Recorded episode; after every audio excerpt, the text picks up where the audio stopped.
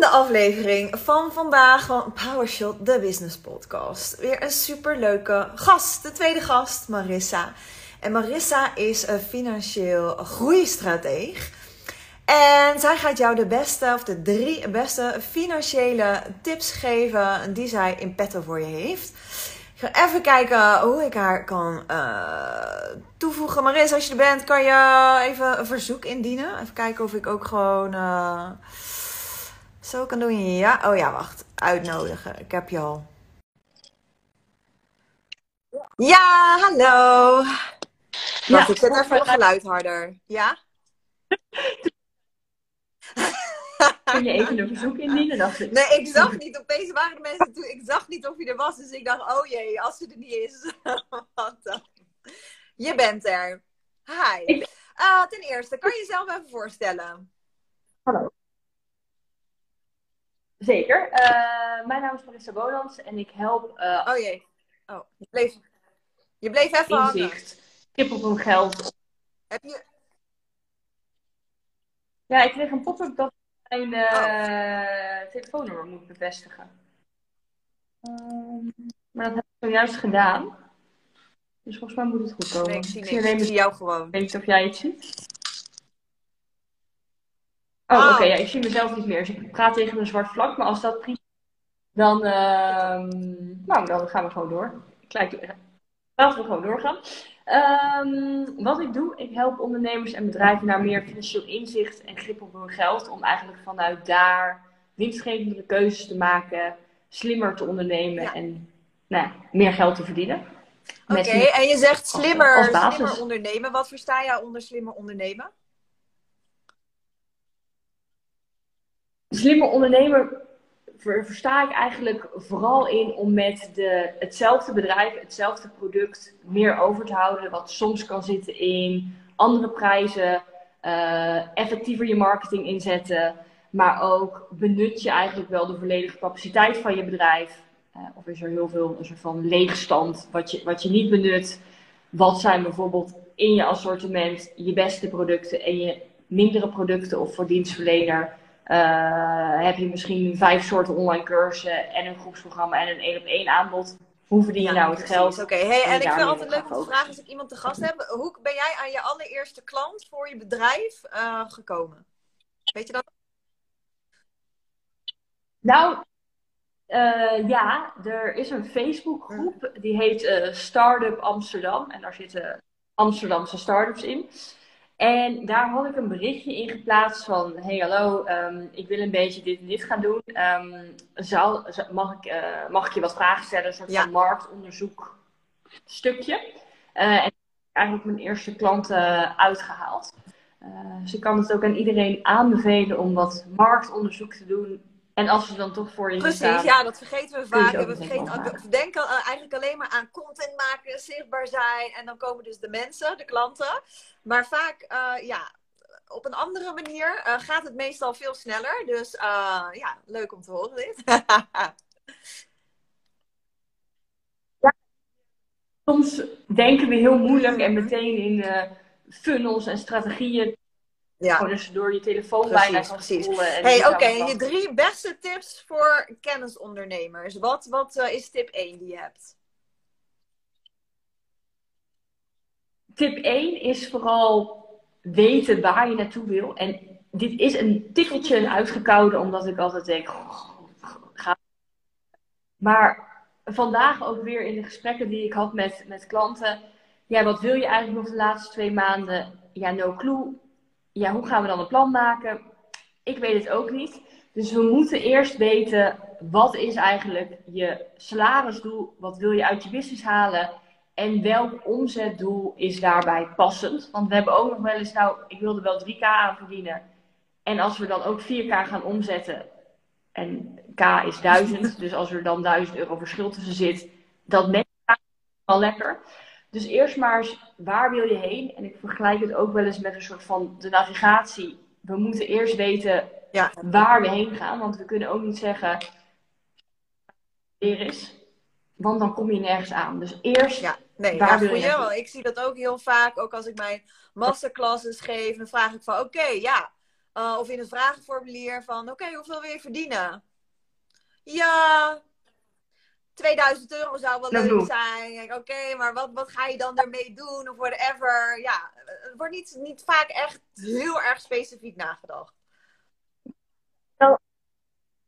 dan kun je je er eigenlijk ook niet helemaal mee verbinden. Uh, en dan wordt het een beetje van ja, waarvoor spring je een soort van uit je bed? Uh, en je daarmee te verbinden. En ik denk dat in dat doelen stellen we ook moeten opletten dat to-do's geen doelen zijn. Ik heb hier een, uh, dit is vast ook niet hoe je to-do's opschrijft, maar een hele waslijst aan to-do's. Maar dat zijn die ik moet doen, maar dat zijn geen doelen. Ja, dat daar ook nog wel echt klopt. Oké, okay, ehm, check. Dus bepaal je doel wat wil je verdienen per jaar, per maand. En uh, de juiste acties uh, die je daarvoor gaat ondernemen. tip 2. Tip 2 is, als we dan dat doel hebben, en laten we zeggen dat we op een omzetdoel zijn uitgekomen, hoe ga je het verdienen? En daarin zou ik het zo specifiek mogelijk maken. Oké, je hebt misschien een, um, drie verschillende pakketten die je aanbiedt. Hoeveel van pakket 1, hoeveel van pakket 2 en hoeveel van pakket 3 zou je in de ideale situatie willen verkopen? Waarin ik je zou willen, de, de, de luisteraar zou willen uitdagen om dat ook eens te valideren met de tijd die je hebt. Want soms denken we, oeh, ja, voor dit omzetdoel moet ik dan 15 één op één klanten. Totdat je bedenkt dat dat helemaal niet in je agenda past als je niet in de nachtsessies wil doen. Dat is niet zo handig. Dus hoe ga je dan dat omzetdoel verdienen? Uh, waarin we eigenlijk bijna altijd komen op het stukje prijzen. Mhm. Welke prijs plak je op je aanbod? Want als het aanbod of je doel niet matcht met je aanbod, heb je of een ander aanbod. Precies. en um, als we kijken naar aanbod, uh, wat, wat ik veel ondernemers ook zie doen, de, de, meeste ondernemers, zeker de starters, hebben heel veel ideeën. En willen eigenlijk gelijk van alles en nog wat gaan aanbieden. Dus mm -hmm. hebben inderdaad een programma, uh, nog een ander programma, nog een ander programma, nog een ander programma. Dat willen ze eigenlijk allemaal tegelijk uh, ja, aanbieden. En uh, waarom hè, is het nou het beste om, tenminste als je het bij me eens bent, om in het begin dus te focussen op één aanbod? Ja, als te weinig klanten nu het probleem is, dan is nog een aanbod verzinnen nooit de oplossing je aanbod is dan prima. Het probleem ligt waarschijnlijk in de hoeveelheid klanten. En daar ligt dan ook de oplossing. Dus ga maar eerst meer klanten zoeken, meer acties uitvoeren voor meer klanten. En dan ook weer niet eerst klakkeloos al die acties, maar welke actie mhm. resulteert nou uiteindelijk in een klant? Zou, en zo ben ik ook begonnen, ik denk eigenlijk jij ook, starten met één op één, of misschien kleine groepjes, totdat je denkt: dit is, dit is het, mijn methode, dit is hoe ik klanten het beste kan helpen. En dan kun je die methode in groepsvorm geven. Omdat je weet, oké, hier loopt een klant tegenaan. Oké, dit is nou al de honderdste keer dat ik die vraag krijg. Oké, die kan wel in een video. Maar eerst ja één op één, één aanbod. Want Precies, en wat, wat ook een valkuil is, denk ik, is dat veel ondernemers uh, laag willen beginnen met prijs. En focussen op meer mensen in plaats van minder mensen en hogere prijs. Want toevallig heb ik dus vandaag een post online gezet van we hebben niet meer volgers nodig om meer aan te verkopen. We hebben sales skills nodig. Weet je, als jij 5000 euro in een maand wil verdienen, heb je vijf mensen nodig die 1000 euro betalen. Als jij goed bent in uh, iemand helpen en je kan dat goed verwoorden, hey, dan heb je maar vijf mensen nodig. Dat is één per week. Als jij gesprekken hebt, dan is dat gewoon prima te behalen natuurlijk. Dan, dan heb je helemaal niet meer volgers nodig. Je moet je omzetten en in sales. En soms is het, als we dus aanbod hebben en er hangt een goed prijskaartje aan, soms ook hoe ja, te weinig doe je nou eigenlijk echt je aanbod? Promoten is eng. of spammerig. Allemaal beperkende overtuigingen natuurlijk. Ja. Het staat toch op mijn website? Nee, voor, voor alle luisteraars. eh, ik eh, gooi ook regelmatig mijn programma erin of een masterclass erin. En dan heb ik wel eens gesprekken in de DM. En dan is het van, ik zeg dan, hé, hey, maar eh, je hebt me vast wel eens mijn programma voorbij zien komen, toch? Nee, nee, wat doe je eigenlijk?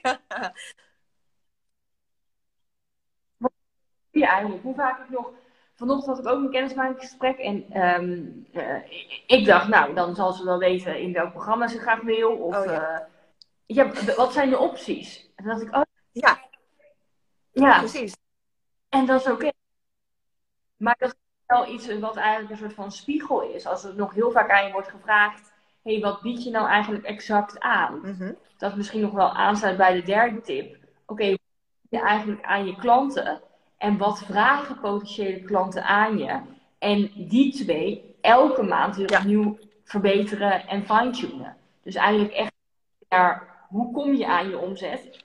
En wat kan ik daarin Ja, verbeteren? precies. En met in doorrazen plaats van maar doorrazen.